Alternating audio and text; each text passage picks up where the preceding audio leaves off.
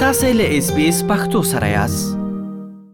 په افغانستان کې د نوي حکومت له رامنځته کېدو شاوخوا څلور میاشتې تیریږي خو لا هم دولتي پوهنتونونه د محصلینو پر مخ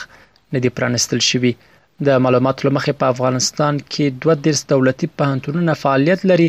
خو دا چې تړلي پاتې دي، نو ورسره د زرګونو زده کړیالانو راتلونکی برخلیک هم روښانه نه دی. په افغانستان کې له هغې وروسته چې نوی حکومت منځته راغلی، په دې هېواد کې ټول دولتي پوهنتونونه د زده کړیالانو پر مخ د وسلهوالو طالبانو لوري ته لړل شوي دي او دوی ته اجازه نه ورکول کېږي چې خپلو زده کړو ته دوام ورکړي، چې دې چارې په کور دننه او بهر اندېښنې راپارولې دي. عام باور دا دی چې زده کړیالان د افغانستان راتلونکی ټاکي او که ورته د زده کړو د دوام اجازه ورنه کړل شي، نو دا چاره نه یوازې د اوس لپاره، بلکې د کلونو کلونو لپاره به د هېواد پرمختګ ته لوی زیان ورسوي. خو له دې ټولو اندېښنو سره سره یو شمېر زده کړیالان وایي، په افغانستان کې په تېرو دوو کلونو کې د کرونا وایرس د خپرېدو او سیاسي تحولاتو له امله تحصیلي بنسټونه ډېر وځپل شول او اوس اړتیا ده چې پوهنتونونه بېرته پیل شي. یو ځل د جمهوري حکومت په وخت کې د کرونا وایرس له امله محصلین دې ته اړ ایستل شوي وه چې په کورونو کې پاتې سي او زده کړې ترسره نه کړي او په مشکلاتو سره زده کړې ترسره کړي او وروسته له هغه کله چې دا نوی حکومت منځته راغی نو تر اوسه پورې د کابل پوهنتون دروازې د محصلینو پر مخ نه دي پرانیستل شوي.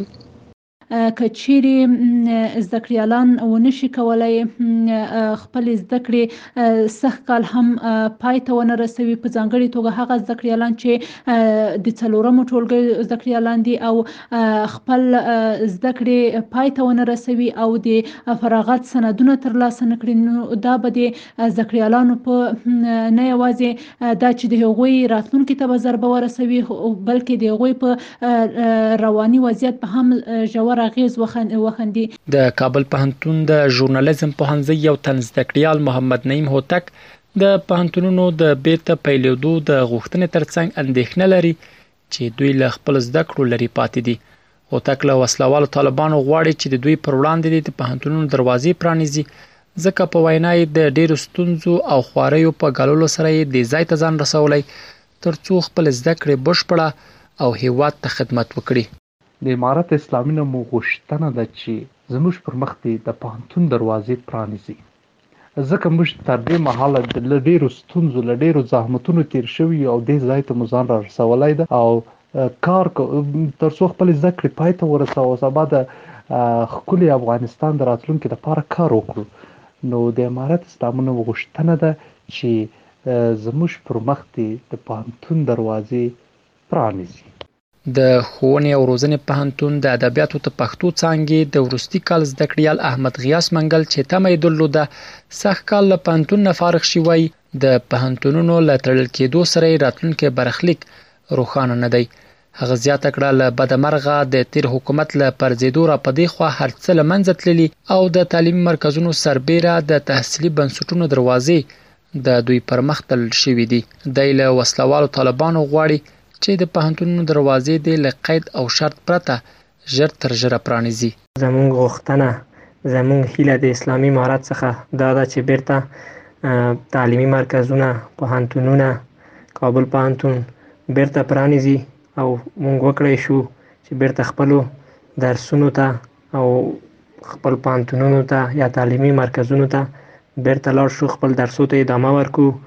ترڅو زمونږ حیات او زندگی په خطر کې نه وي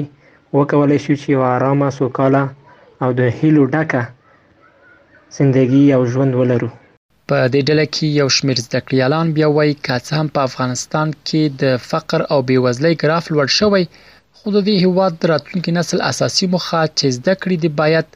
له هیره ونه وځي. دوی زیاتوي چې له تعلیم او لوړ زده کړو پرته ناشونې ده چې افغانستان دې له نړۍ سره سیال شي. دغه شمېر زده کړیالان په دې اند دي، که دولتي پوهنتونونه ژر تر ژره بېرته فعال نه شي، نو ډېری ځوانان به د زده کړو له دوامه ناهیلي شي. له اسلامي امارت څخه مې غوښتنه دا ده چې انځونو ښوونځي او پوهنتونونه دې بېرته پرانیستل شي. سره له دې چې په هېواد کې مو لوږه او فقر ورځ تر بلې زیاتېږي، خو موږ باید اصلي و اساسي هدف چې زموږ دی نسل تعلیم او تحصیل دی هېر نه کړو. په ځانګړې توګه د نجونو تعلیم زموږ د نسل او برخلیک تعلیم دی. د تعلیم او تحصیل څخه پرته ناشونې ده چې هېواد مو نړۍ سره سیال کړو. دا چې زه د دوهم کال زده کړیاله وم او پوهنتونونه زموږ پر مخ بند شول، نو دا یوازې زما هیله نه ده بلکې د ټولو نجونو هیله ده، ټولو محصلینو هیله ده، د ټول افغانستان د محصلینو نجونو هیله ده چې باید زموږ پوهنتونونه بیرته پیل کړي او زموږ هڅې په اوبو لاهو نه کړي. دا طبیعي خبره ده چې هر هیواد یو مسلکي اشخاصو ته، مسلکي نسل ته او مسلکي ځوانانو ته اړتیا لري، نو که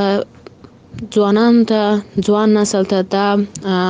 زمینه برابر نه کړای شي نو هیڅکله به هیواد هغه پرمختګ چې هغه ته اړ دی یا اړتیا لري هغه ونه لري په افغانستان کې د دولتي پوهنتونونو د تړل پاتې کېدو له امله اندېښنې په داسې حال کې مطرح کېږي چې د خصوصي پوهنتونونو روزنیز بهیر بیا د لوړ زده کړو وزارت له نویو شرایطو سره د وږي پر پنځلسمه پیل شوي دي، خو د دې پوهنتونونو چارواکي بیا د اقتصادي ستونزو له امله په بېساري توګه د خپلو محصلینو